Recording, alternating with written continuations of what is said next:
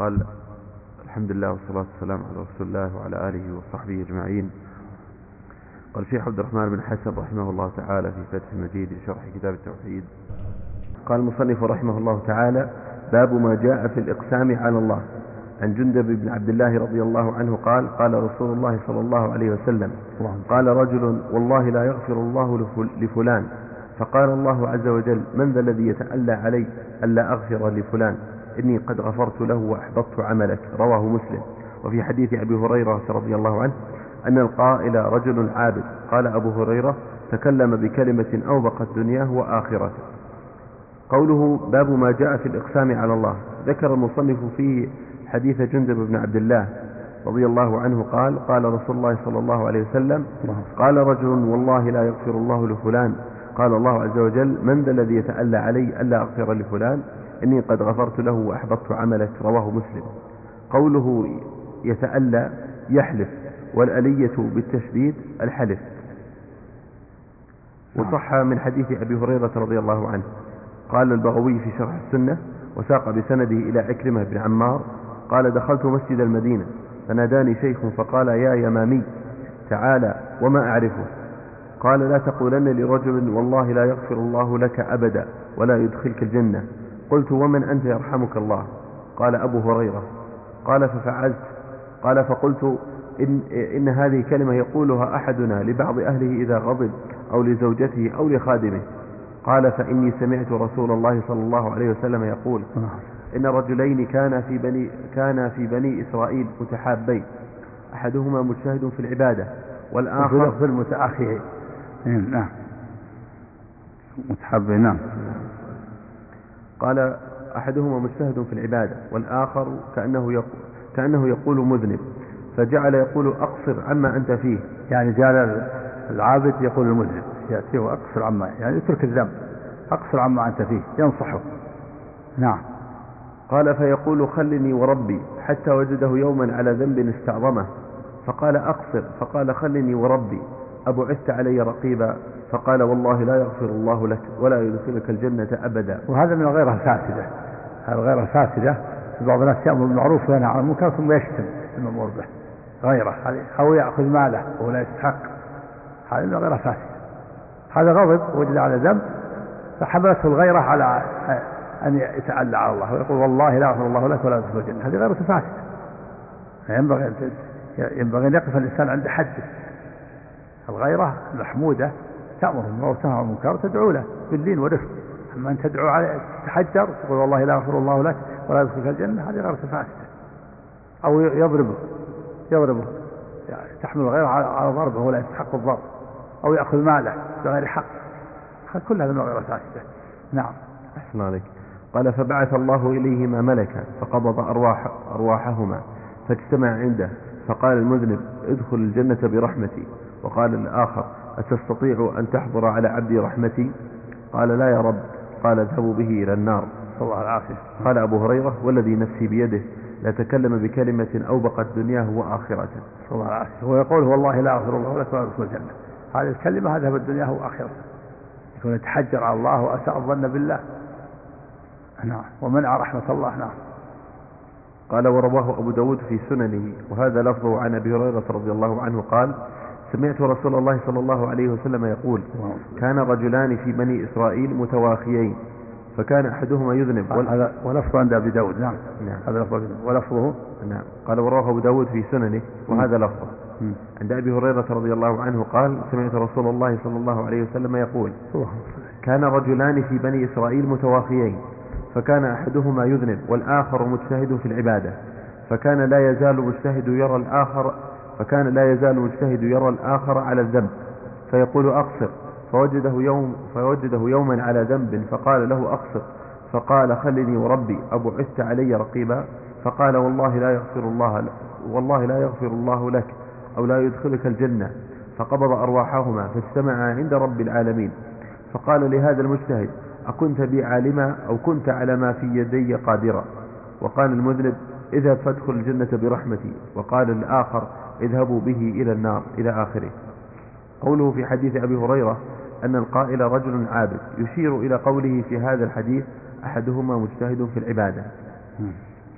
وفي هذه الأحاديث بيان خطر اللسان وذلك يفيد التحرز من الكلام كما في حديث معاذ قلت يا رسول الله وإنا لمؤاخذون بما نتكلم به؟ قال ثكلتك أمك يا معاذ وهل يكب الناس في النار على وجوههم أو قال على مناخرهم؟ إلا حصائد ألسنتهم والله أعلم. قال المصنف رحمه الله فيه مسائل. الأولى التحذير من التألي على الله. الثانية كون النار أقرب إلى كون النار أقرب إلى أحدنا من شراك نعله. نعم تكلم كلمة ثم مات. فدخل النار. نعم. الثالثة أن الجنة مثل ذلك. كذلك. يموت يختم له بخاتمة الحسنة أو التوحيد ثم ينقل إلى الجنة. نعم. الرابعة فيه شاهد لقوله إن الرجل يتكلم بالكلمة إلى آخره. يعني لا يلقي بالا يهول بها في النار أبعد ما بين المشرق والمغرب مثل الكلمة التي قالها هذا الرجل العاد والله لا يغفر الله لفلان قال والله لا يغفر الله لك ولا تدخل في الجنة. نعم. الخامسة أن الرجل قد يغفر له بسبب بسبب هو من أكره الأمور إليه. نعم. فالمذنب غفر له بسبب هو من أكره الأمور إليه بسبب دعوة هذاك. دعوته له ويكره أنه يدعو يقول في الكذاب يكره. لكن غفر له بسبب أنه من أكره الأمور إليه. كان سببا في المغفرة له نعم. باب لا يستشفع بالله على خلاص. شوف كلام الشيخ محمد نعم ها؟ إيه.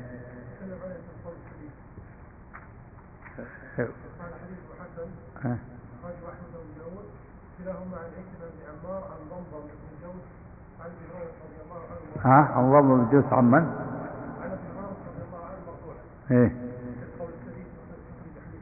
ها؟ قول السديد تخريج؟ إيه. من المخرج؟ إيه. شو يقول في ضعف أخرجه أحمد بن داود كلاهما عن عكرمة بن عمار عن ضمضم بن جوز عن أبي هريرة رضي الله عنه مرفوعا وفيه عكرمة بن عمار صدوق يغلط آه تعال تعال لا عشان نكبر عشان تقرأ؟ عشان تقرأ الآن بعدها الآن؟ قال في القول السديد. الله قال هذا غير تخريج آه، تيسير العزيز الحميد. اي نعم. يقول عفى الله عنك إسناده حسن. أخرجه أحمد أبو داود كلاهما عن عكرمة بن عمار عن ضمضم بن جوس عن أبي هريرة رضي الله عنه مرفوعا. وفي عكرمة بن عمار صدوق يغلط كما في التقريب فالحديث حسن. والحديث السابق في الباب الذي قبل هذا يا شيخ. في الحديث عفى الله عنك يقول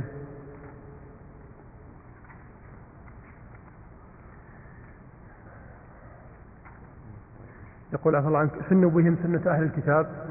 قال عفى الله عنك ضعيف بهذا اللفظ أخرجه مالك والشافعي وابن أبي شيبة والبيهقي. وأبو يعلى كلهم عن جعفر الصادق عن محمد الباقر أن عمر ذكر المجوس فقال ما أدري كيف أصنع في أمرهم؟ فقال ابن عوف أشهد لسمعت رسول الله صلى الله عليه وسلم يقول سنوا بهم سنة أهل الكتاب ورجاله ثقات إلا أنه منقطع فإن محمد الباقر لم يدرك لم يدرك عمر فلم يدرك عبد الرحمن بن عوف ولا عمر وهو صحيح بلفظ آخر أخرجه البخاري. وأبو داود والترمذي والدارمي وابن الجارود وأحمد والشافعي والبيهقي كلهم عن بجالة بفتح الباء بن عبده قال لم يكن عمر أخذ الجزية من المجوس حتى شهد عبد الرحمن بن عوف أن رسول الله صلى الله عليه وسلم أخذها من مجوس هجر. يعني هذا الحديث صحيح. يكون هذا آه، حسن بالشواهد. يشهد هذا. هذا يشهد له فيكون حسن. فيكون ضعيف. نعم.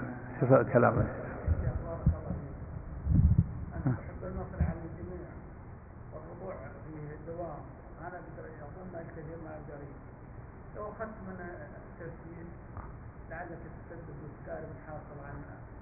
على كل حال أسبوع واحد. أقول أسبوع واحد ويسجل إن شاء الله. الدرس يسجل إن شاء الله. والكتاب ولحوا إنه ينتهي. الأخوان. التسجيل وغيرهم سهل الحمد لله. أقول اللي يجده موجود. الشروح موجودة الآن والشريط موجود. نعم. نعم. الله عليك ها؟ الله أعلم. نعم نعم. الله قوله ولا تمثلوا. قال الشيخ رحمه الله قال الشيخ محمد رحمه الله في شرح كتاب التوحيد إيه. القول المفيد. قال التمثيل التشويه بقطع بعض الأعضاء كالأنف واللسان وغيرهما وذلك عند أسرهم وذلك أنه لا حاجة إليه لأنه انتقام في غير محله. واختلف العلماء فيما لو كانوا يفعلون بنا ذلك. فقيل لا يمثل بهم للعموم والنبي صلى الله عليه وسلم لم يستثن شيئا. ولأننا إذا مثلنا بواحد منهم فقد يكون لا يرضى بما فعله قومه. فقد يكون؟ فقد يكون يعني الممثل به. لا يرضى بما فعل قومه فكيف نمثل به؟ وقيل نمثل بهم كما مثلوا بنا لأن هذا العموم مقابل بعموم آخر وهو قوله تعالى فمن اعتدى عليكم فاعتدوا عليه بمثل ما اعتدى عليكم. وإذا لم نمثل بهم مع أنه يمثلون بنا فقد يفسر هذا بأنه ضعف. وإذا مثلنا بهم في هذه الحال عرفوا أن عندنا قوة ولم يعودوا للتمثيل بنا ثانية والظاهر القول الثاني. والثاني إيش؟ اللي هو آه، جواز التمثيل. والله نقرب نقرب بالمنع المطلقة عم ولأن جاء ما يدل على أن من من أعتدى عليك لا, لا تعتدي عليه.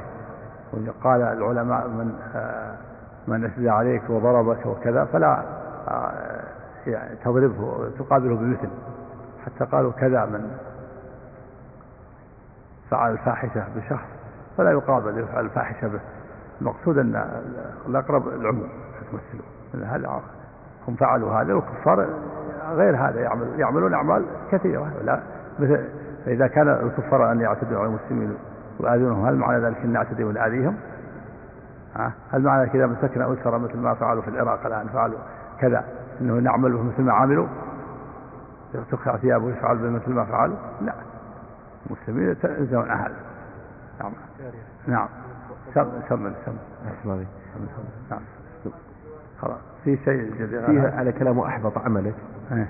آه، قال إحباط العمل. قال وجه إحباط الله عمله على سبيل العموم حسب فهمنا والعلم عند الله أن هذا الرجل كان يتعبد الله وفي نفسه إعجاب بعمله وإذلال بما عمل على الله كأنه يمن على الله بعمله وحينئذ يفتقد ركنا عظيما من أركان العبادة.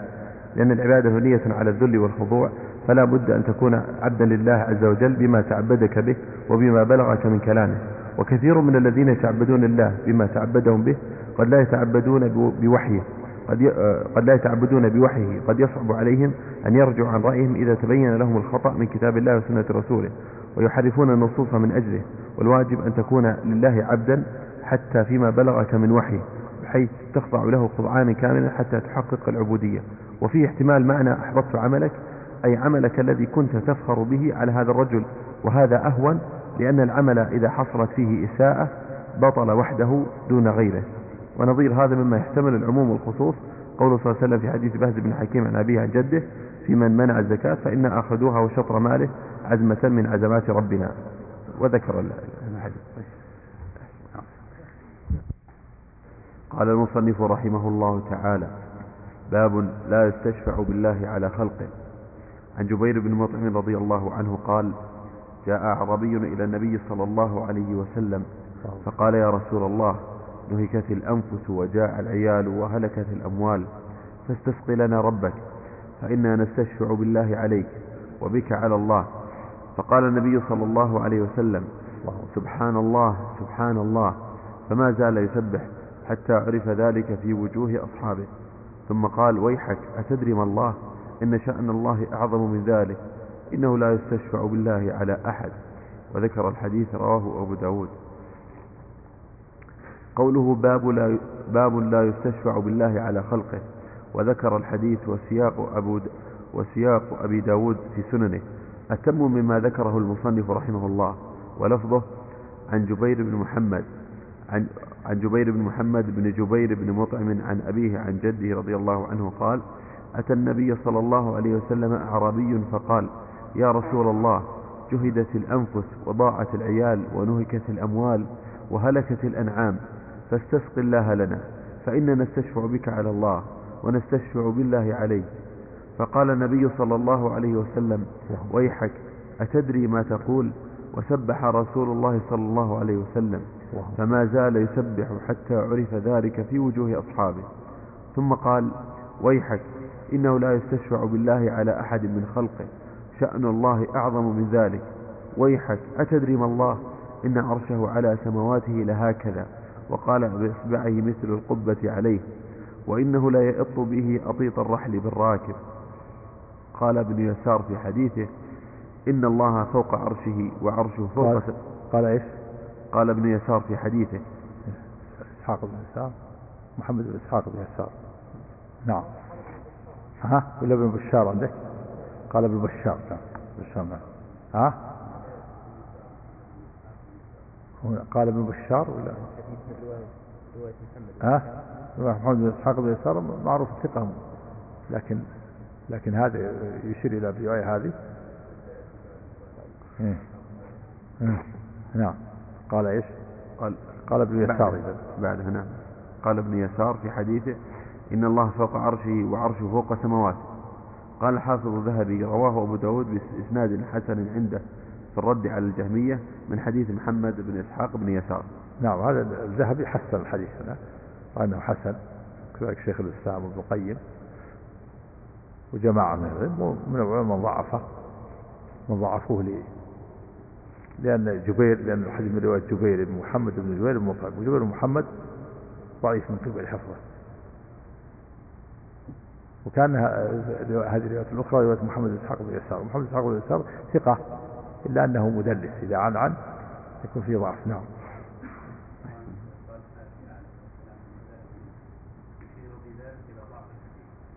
ها؟ أي مدلس.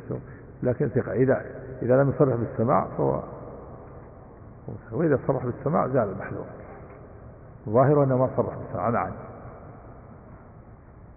سيكون سيكون الحديث كان من رواية جبير بن محمد المطعم من رواية محمد بن إسحاق بن يسار. يقولوا في رواية إيش؟ وقال في رواية محمد بن إسحاق.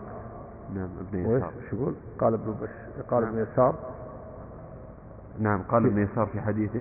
إيه ظاهر أن أن أن الحديث روي من طريق محمد بن إسحاق ومن طريق جبير بن محمد نعم.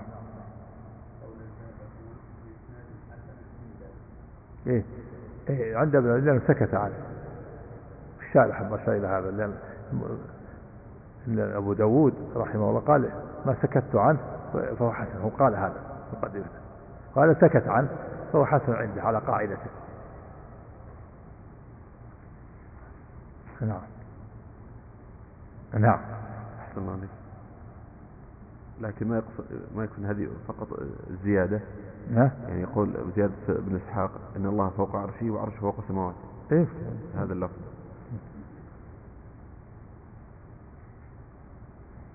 فإذا زاد يكون رواية أخرى تكون رواية محمد إسحاق. نعم. قال قوله ويحك إنه لا يستشفع بالله على أحد من خلقه فإنه تعالى رب كل شيء ومليكه. والخير كله بيده. لا مانع لما أعطى ولا معطي لما منع ولا راد لما قضى وما كان الله ليعجزه من شيء في السماوات ولا في الأرض. إنه كان عليما قديرا. إنما أمره إذا أراد شيئا أن يقول له كن فيكون. والخلق ما في أيديهم ملكه يتصرف فيه كيف يشاء. وهو الذي يشفع الشافع إليه. ولهذا أنكر على الأعرابي قوله هذا. وسبح الله كثيرا وعظمه. لأن هذا القول لا يليق بالخالق سبحانه وبحمده. إن شأن الله أعظم من ذلك. وفي هذا الحديث إثبات علو الله على خلقه وأن عرشه فوق سماواته. وفيه تفسير الاستواء من عساكر. من عساكر في في تاريخ دمشق ضعف الحديث هذا. أو أنه ألف رسالة مخصوصة. معناها التغليط والأغاليط والتغليط في إبطال حديث العطيب بهذا قريب من هذا. التغليط والأغاليط أو التغليط والأغاليط في إبطال حديث العطيب ما أدري هل طبعت أو ما طبعت الرسالة هذه. تبحث عنها. تغليط والأغاليط في إبطال حديث العطيب لكن شيخ الإسلام رحمه الله حين يرد عليه يرد على ابن دمشق إذا رد بعض الحديث قال إنه إخباري. إن العساكر أخباري يعني من أهل الأخبار من أهل التاريخ فلا يعتمد على على قوله. الشيخ الإسلام رد عليه في بعض المواضع قال إن دمشق إن إنه إنه إخباري. يعني أهل الأخبار يتساهلون مؤرخين. نعم. فلا يعتمد على تضعيفه ولا على نعم. الله عليك. قال وفيه تفسير الاستواء بالعلو. تبحثون عن الساكنة الموجودة هذه أو طبيعات تغليط ولا غليط في إبطال الحديث الأطيل من عساكر. نعم. نعم. قال وفيه تفسير الاستواء بالعلو كما فسره الصحابة والتابعون والأئمة خلافا للمعطلة من الجهمية والمعتزلة ومن أخذ عنهم كالأشاعرة ونحوهم ممن ألحد في أسماء الله وصفاته وصرفها عن المعنى الذي وضعت له ودلت عليه. من إثبات صفات الله تعالى التي دلت على كماله جل وعلا كما عليه السلف الصالح والأئمة ومن تبعهم ممن تمسك بالسنة. فإنهم أثبتوا ما أثبته الله لنفسه وأثبته له رسوله صلى الله عليه وسلم من صفات كماله على ما يليق بجلاله وعظمته إثباتا بلا تمثيل وتنزيها بلا تعطيل. قال العلامة ابن القيم رحمه الله في مفتاح دار السعادة بعد كلام سبق فيما يعرف العبد بنفسه وبربه ومن عجائب مخلوقاته قال بعد ذلك والثاني أن يتجاوز هذا إلى النظر بالبصيرة الباطنة فتفتح له أبواب السماء فيجول في أقطارها وملكوتها وبين ملائكتها ثم يفتح له باب بعد باب حتى ينتهي به سير القلب إلى عرش الرحمن فينظر سعته وعظمته وجلاله ومجده ورفعته يرى السماوات السبع والأراضين السبع بالنسبة إليه كحلقة ملقاة بأرض فلاة ويرى الملائكة حافين من حول العرش لهم زجل بالتسبيح والتحميد. لهم زجل لهم زجل. نعم. لهم زجل بالتسبيح والتحميد والتقديس والتكبير. والأمر ينزل, والأمر ينزل من فوقه بتدبير الممالك والجنود التي لا يعلمها إلا ربها ومليكها. فينزل الأمر بإحياء قوم وإماتة آخرين. وإعزاز قوم وإذلال آخرين وإنشاء ملك وسلب ملك وتحويل نعمة من محل إلى محل وقضاء الحاجات على اختلافها وتباينها وكثرتها من جبر كثير وإغناء فقير وشفاء مريض وتفريج كرب ومغفرة ذنب وكشف ضر ونصر مظلوم وهداية حيران وتعليم جاهل ورد عابق وأمان خائف وإجارة مستجير ومدد لضعيف وإغاثة لملهوف وإعانة لعاجز وانتقام من ظالم وكف لعدوان. فهي مراسيم, فهي مراسيم دائرة بين العدل والفضل والحكمة والرحمة تنفذ في أقطار العوالم. لا يشغله سمع شيء منها عن سمع غيره ولا تغلطه كثرة المسائل والحوائج على اختلافها وتباينها واتحاد وقتها. ولا تبرم بإلحاح الملحين ولا تنقص ذرة من خزائنه. لا إله إلا هو العزيز الحكيم. فحينئذ يقوم القلب بين يدي الرحمن مطرقا لهيبته خاشعا لعظمته عان لعزته. فيسجد بين يدي الملك الحق المبين سجدة لا يرفع رأسه منها إلى يوم المزيد. فهذا سفر القلب وهو في وطنه وداره ومحل ملكه. وهذا من أعظم آيات الله وعجائب صنعه. فيا له من سفر ما أدركه وأروحه. يعني الذل الذل والخضوع والاستكانة المستمرة نعم. فيا له من سفر ما أدركه وأروحه وأعظم ثمرته وربح وربحه وأجل منفعته وأحسن عاقبته. سفر هو حياة الأرواح ومفتاح السعادة وغنيمة العقول والألباب. لا كالسفر الذي هو قطعة من العذاب. انتهى كلامه رحمه الله تعالى. رحمه الله. القيم في مفتاح دار السعادة. كلام عظيم رحمه الله نعم. قال وأما الاستشفاع بالرسول صلى الله عليه وسلم في حياته فالمراد به استجلاب دعائه وليس خاصا به صلى الله عليه وسلم بل كل حي صالح يرجى أن يستجاب, أن يستجاب له فلا بأس أن يطلب منه أن يدعو للسائل بالمطالب الخاصة أو العامة. نعم هذا استشفاع بدعاء الحي الحاضر سواء الرسول ولا غيره؟ عليه الصلاة الحي الحاضر يستشفى بدعائه معنى أنه يدعو ومن حوله يؤمن. كما كما كما كان الصحابة يأتون النبي صلى الله عليه وسلم يسألون الاستسقاء وجاء الأعرابي وهو يخطب فدعا وأمن الناس فسقوا. وكما استسقى الناس آه، في زمن عمر استسقى بالعباس ثم استسقى معاوية بيزيد بن الأجرش فمطروا. الحي الحاضر يؤمن وكما استسقى جاء استشفى على الأعمى الذي جاء النبي صلى الله عليه وسلم. قال رسول ادعو الله أن يرد إلي بصري قال ائت النظام وتوضأ. وقل لهم إن أسألك وأتي وجهك بنبيك نبي الرحمة. في أن تقضى حاجتي هذه اللهم شفع في نبيك. هذا دعاء حي حاضر لا بأس به. والاستشفاع أو بمعنى التوسل توسل ثلاثة أنواع. النوع الأول استشفاع وتوسل بالميت بأن يطلبه المدد ويدعوه يطلب من قضاء الحاجات تريد الكروي هذا شرك بالله. الثاني توسل بذاته وجاهه وحرمته وحقه هذا بدعة. توسل بحرمة فلان بذات فلان. الثالث استشفاء بدعائه وهو حي حاضر وهذا جائز.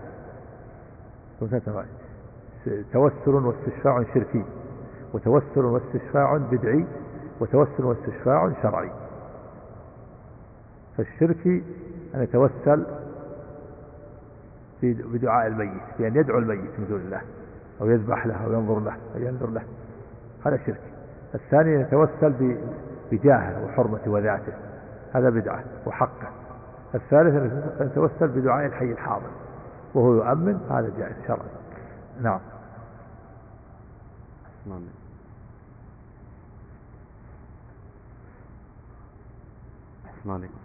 قال كما قال النبي صلى الله عليه وسلم لعمر رضي الله عنه لما أراد أن يعتمر من المدينة لا تنسنا يا أخي من صالح دعائك. هذا في ضعف. الحديث فيه ضعف نعم. قال وأما الميت فإنما يشرع في حقه الدعاء له على جنازته وعلى قبره وفي غير ذلك. وهذا هو الذي يشرع في حق الميت. برواية العمر العمري المكبر في ضعف. نعم. أحسن عليك قال وأما دعاؤه فلم يشرع بل قد دل الكتاب والسنة على النهي عنه والوعيد عليه كما قال تعالى والذين تدعون من دونه ما يملكون من قطمير إن تدعوهم لا يسمعوا دعاءكم ولو سمعوا ما استجابوا لكم ويوم القيامة يكفرون بشرككم ولا ينبئك مثل خبير. فبين تعالى أن الدعاء من لا يسمع ولا يستجيب. نعم، نعم. قال فبين تعالى أن دعاء من لا يسمع ولا يستجيب. شرك يكفر به المدعو يوم القيامة أي ينكره ويعادي من فعله كما في آية الأحقاف وإذا, وإذا حشر الناس كانوا لهم أعداء وكانوا بعبادتهم كافرين فكل ميت أو غائب لا يسمع ولا يسمع أي منكرين كانوا بعبادتهم منكرين لعبادتهم. نعم. قال فكل ميت أو غائب لا يسمع ولا يستجيب ولا ينفع ولا يضر. والصحابة رضي الله عنهم لا سيما أهل السوابق منهم كالخلفاء الراشدين لم ينقل عن أحد منهم ولا من غيرهم أنهم أنزلوا حاجتهم بالنبي صلى الله عليه وسلم بعد وفاته حتى في أوقات الجذب كما وقع لعمر رضي الله عنه لما خرج ليستسقي بالناس. خرج بالعباس عم النبي صلى الله عليه وسلم رضي الله عنه فأمره أن يستسقي لأنه حي حاضر يدعو ربه. فلو جاز أن يستسقى بأحد بعد وفاته لاستسقى عمر رضي الله عنه في السابقين الأولين في السابقين الأولين بالنبي صلى الله عليه وسلم. لاستسقى فلو جاز. فلو جاز أن يستسقى بأحد بعد وفاته. نعم. لاستسقى عمر رضي الله عنه في السابقين الأولين بالنبي صلى الله عليه وسلم. والسابقين الأول والس... ها؟ والسابق استسقى عمر عمر والسابقون الأول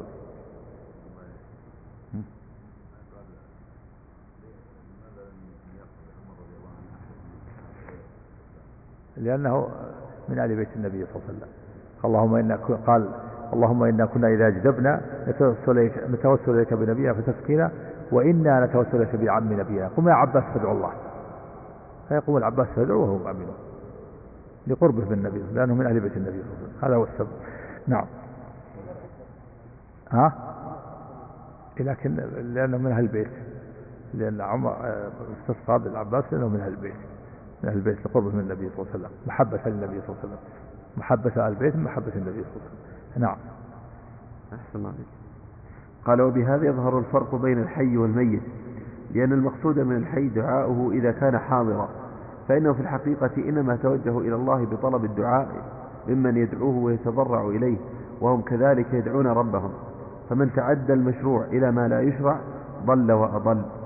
فكان دعاء الميت خيرا فلو كان دعاء الميت خيرا لكان الصحابة إليه أسبق وعليه أحرص وبه وبه وبهم أليق؟ أو به. ها؟ قال وبهم. لو كان إيه. وبهم أليق. نعم. قال وبهم أليق وبحقه أعلم وأقوم. فمن تمسك ها ب- بحق أقوم وأعلم؟ أقوم؟ نعم بالميم. وإيش؟ أعلم وأقوم. نعم. قال فمن تمسك بكتاب الله نجا. ومن تركه واعتمد على عقله هلك وبالله التوفيق.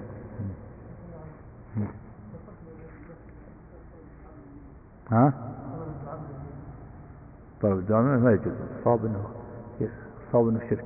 لا يطاع الميت مطلقا. كيف يطلب منه؟ يدعو وهو- رفات ما يسمع نعم. قال المصنف رحمه الله الأقرب إنه شرك. نعم. فيه مسائل. الأولى إنكاره على من قال نستشفع بالله عليه نعم. الثانية تغيره تغيرا عرف في وجوه أصحابه من هذه الكلمة. نعم. الثالثة أنه لم ينكر عليه قوله نستشفع بك على الله. نعم. لأنه توسل بدع- بدعائه بدعاء الحي. نعم. أحسن عليك. قال الرابعة التنبيه على تفسير سبحان الله.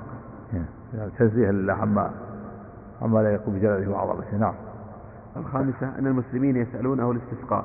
نعم. لأنه يدعو وهم يؤمنون. نعم. وقال المصنف رحمه الله تعالى باب ما جاء في حماية المصطفى صلى الله عليه وسلم حمى التوحيد وسده طرق الشرك. عن عبد الله بن الشقير رضي الله عنه قال انطلقت في وفد بني عامر إلى رسول الله صلى الله عليه وسلم. فقلنا أنت سيدنا. فقال السيد الله تبارك وتعالى قلنا وأفضلنا فضلا وأعظمنا طولا فقال قولوا بقولكم أو بعض قولكم ولا يستجرينكم الشيطان أفضلنا فضلا وأعظمنا طولا طولا بفتح الطاء يعني الكرم والجود أما بضم الطال طول ضد القصر. ضد القصر الطول بضم الطاء ضد القصر. والطول بفتح التاء الكرم والجود. أفضلنا فضلا وأعظمنا طولا يعني كرما وجودا. ولا تقع طولا. لأن قرأت طولا صارت ضد القصر. نعم. أحسن عليكم. قال وأفضلنا فضلا. نعم. نعم. قلنا وأفضلنا فضلا وأعظمنا طولا. فقال قولوا بقولكم أو بعض قولكم ولا يستجرينكم الشيطان. رواه أبو داود بسند جيد.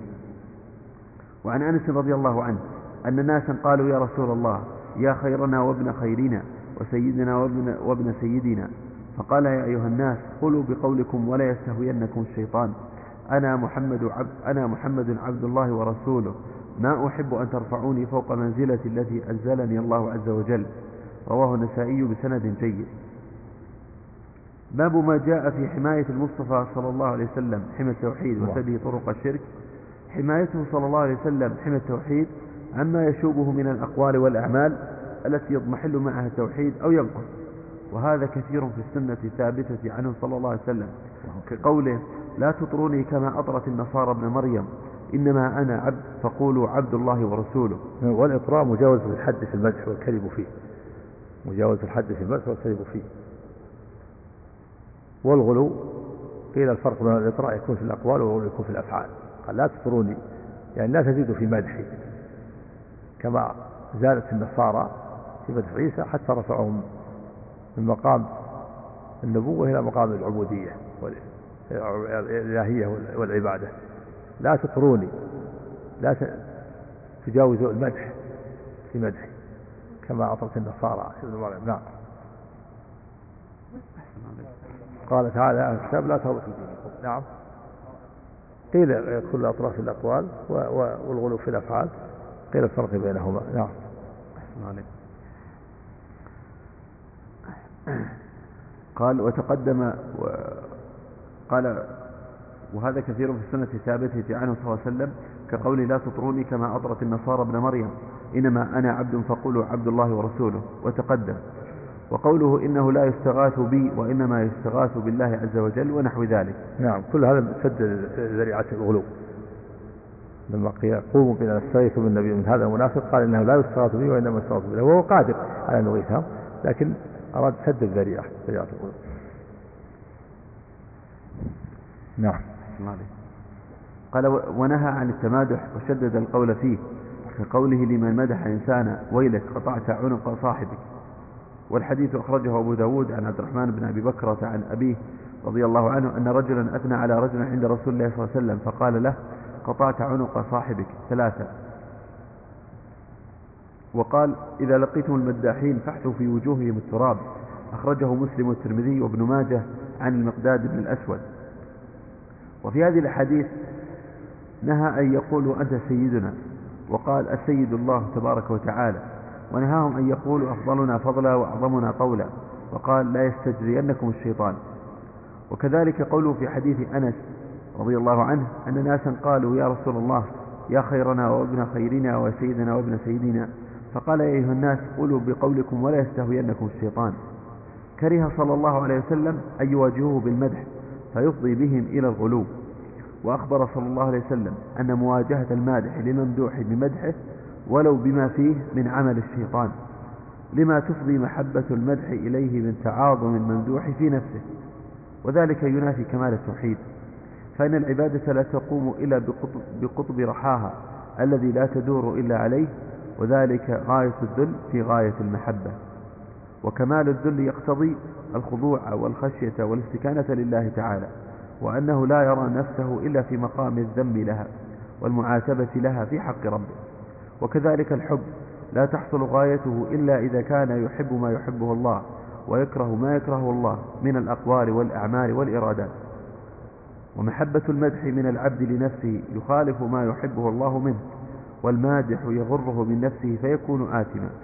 فمقام العبود فمقام العبودية يقتضي كراهة المدح رأسا والنهي والنهي عنه فمقام العبودية يقتضي كراهة المدح رأسا والنهي عنه صيانة لهذا المقام. فمتى أخلص الذل لله والمحبة له خلصت أعماله وصحت. فمتى أدخل عليها ما يشوبها من هذه متى أخلص الذل لله والمحبة لله يعني أخلص الذل وأخلص المحبة. فهنا صحت العبادة. إذا أخلص الذل وكملت المحبة نعم. وإذا نقص الذل نقص المحبة نقصت العبادة نعم. قال فمتى أدخل عليها ما يشوبها من هذه الشوائب؟ دخل على مقام العبودية بالنقص أو الفساد. نعم. فمتى؟ فمتى أدخل؟ نعم. قال فمتى أدخل عليها؟ ما يشوبها من هذه الشوائب. دخل على مقام العبودية بالنقص أو الفساد. نعم. وإذا أداه, وإذا أداه المدح إلى التعاظم في نفسه والإعجاب بها وقع في أمر عظيم ينافي العبودية الخاصة كما في الحديث الكبرياء ردائي والعظمة إزاري فمن نازعني شيئا منهما عذبته. نعم. وفي وإيش؟ وإذا وقع التعاظم. أحسن عليك. قال وإذا أداه المدح إلى التعاظم في نفسه والإعجاب بها وقع في أمر عظيم ينافي العبودية الخاصة. نعم وقع في كبيرة من كبائر الذنوب. العجب. العجب هذا من كبائر من الأعمال الخبيثة من أعمال القلوب الخبيثة. العجب والتعاظم وازدراء الناس واحتقارهم كل هذه من كبائر الذنوب العظيمة. من القلوب لها أعمال خبيثة من العجب والتعاظم والكبرياء والازدراء. كمان لها أعمال عظيمة المحبة والتوكل والصدق والرغبة والرهبة. مثل الجسد الجسد له أعمال طيبة مثل الإحسان والشجاعة والإيثار وأعمال خبيثة أيضا مثل العدوان والظلم وهكذا. القلوب لها أعمال طيبة وأعمال خبيثة لها أعمال عظيمة ولها كبائر والأبدان كذلك. والحديث هذا حديث قدسي. يقول الله رب العظمة إزاري والكبرياء ردائي فمن نازعني واحدا منهما عذبته. العظمة إزاري والكبرياء ردائي والعظمة والكبرياء والصعب من وصف الله عز وجل. يليق ينفعني بالله. العظمة والكبرياء. أحدهما خص من الآخر العظمة إزاري والكبرياء ردائي العظمة خص صفات الله تتفاوت نعم.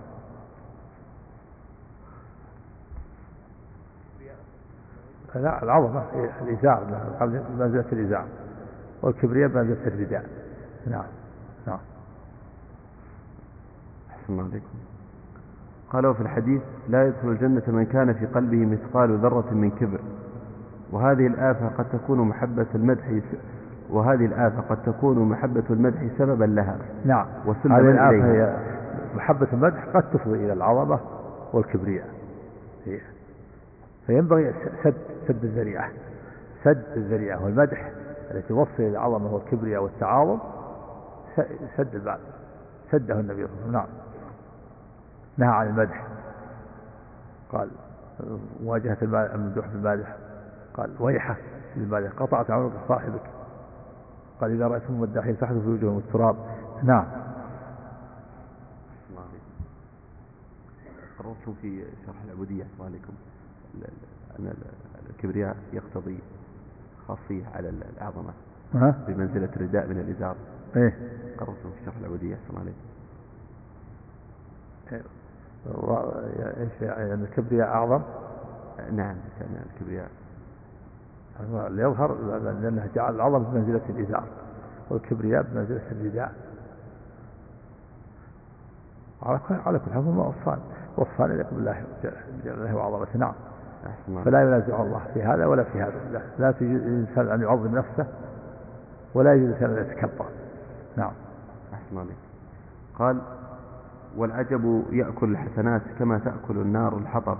يعني من جنس الحسد. الحسد والعجب. نعم. وأما المادح فقد يفضي به المدح إلى أن ينزل الممدوح منزلة لا يستحقها كما يوجد, كما يوجد كثيرا في أشعارهم من الغلو الذي نهى عنه الرسول صلى الله عليه وسلم وحذر أمته أن يقع منهم.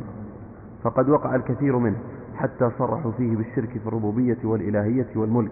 مثل قول البصيري حينما غلب النبي صلى الله عليه وسلم في قوله يا أكرم الخلق ما لي من ألوذ به يا أكرم الخلق ما لي من ألوذ به سواك. عند حلول الحادث العالمي. انظر إلى الغلو صار يلوذ بالرسول ولا يلوذ بالله. عند حلول الحادث العمر الحادث الذي يعم الناس. هو يوم القيامة يوم القيامة. والأهوال الشديدة إذا عمت الأهوال الناس يقول ما لي أحد يلوذ به إلا أنت يا رسول الله. نسي ربه نعوذ بالله. نسي ربه. يا أكرم الخلق ما لي من أعوذ بسواك عند حلول الحادث العالمي. ثم قال بالثاني إن لم تكن في معادي آخذا بيدي فضلا وإلا فقل يا زلة القدم لا حول يعني إن لم تأخذ بيدي وإلا فإني هالك. نسي ربه وقال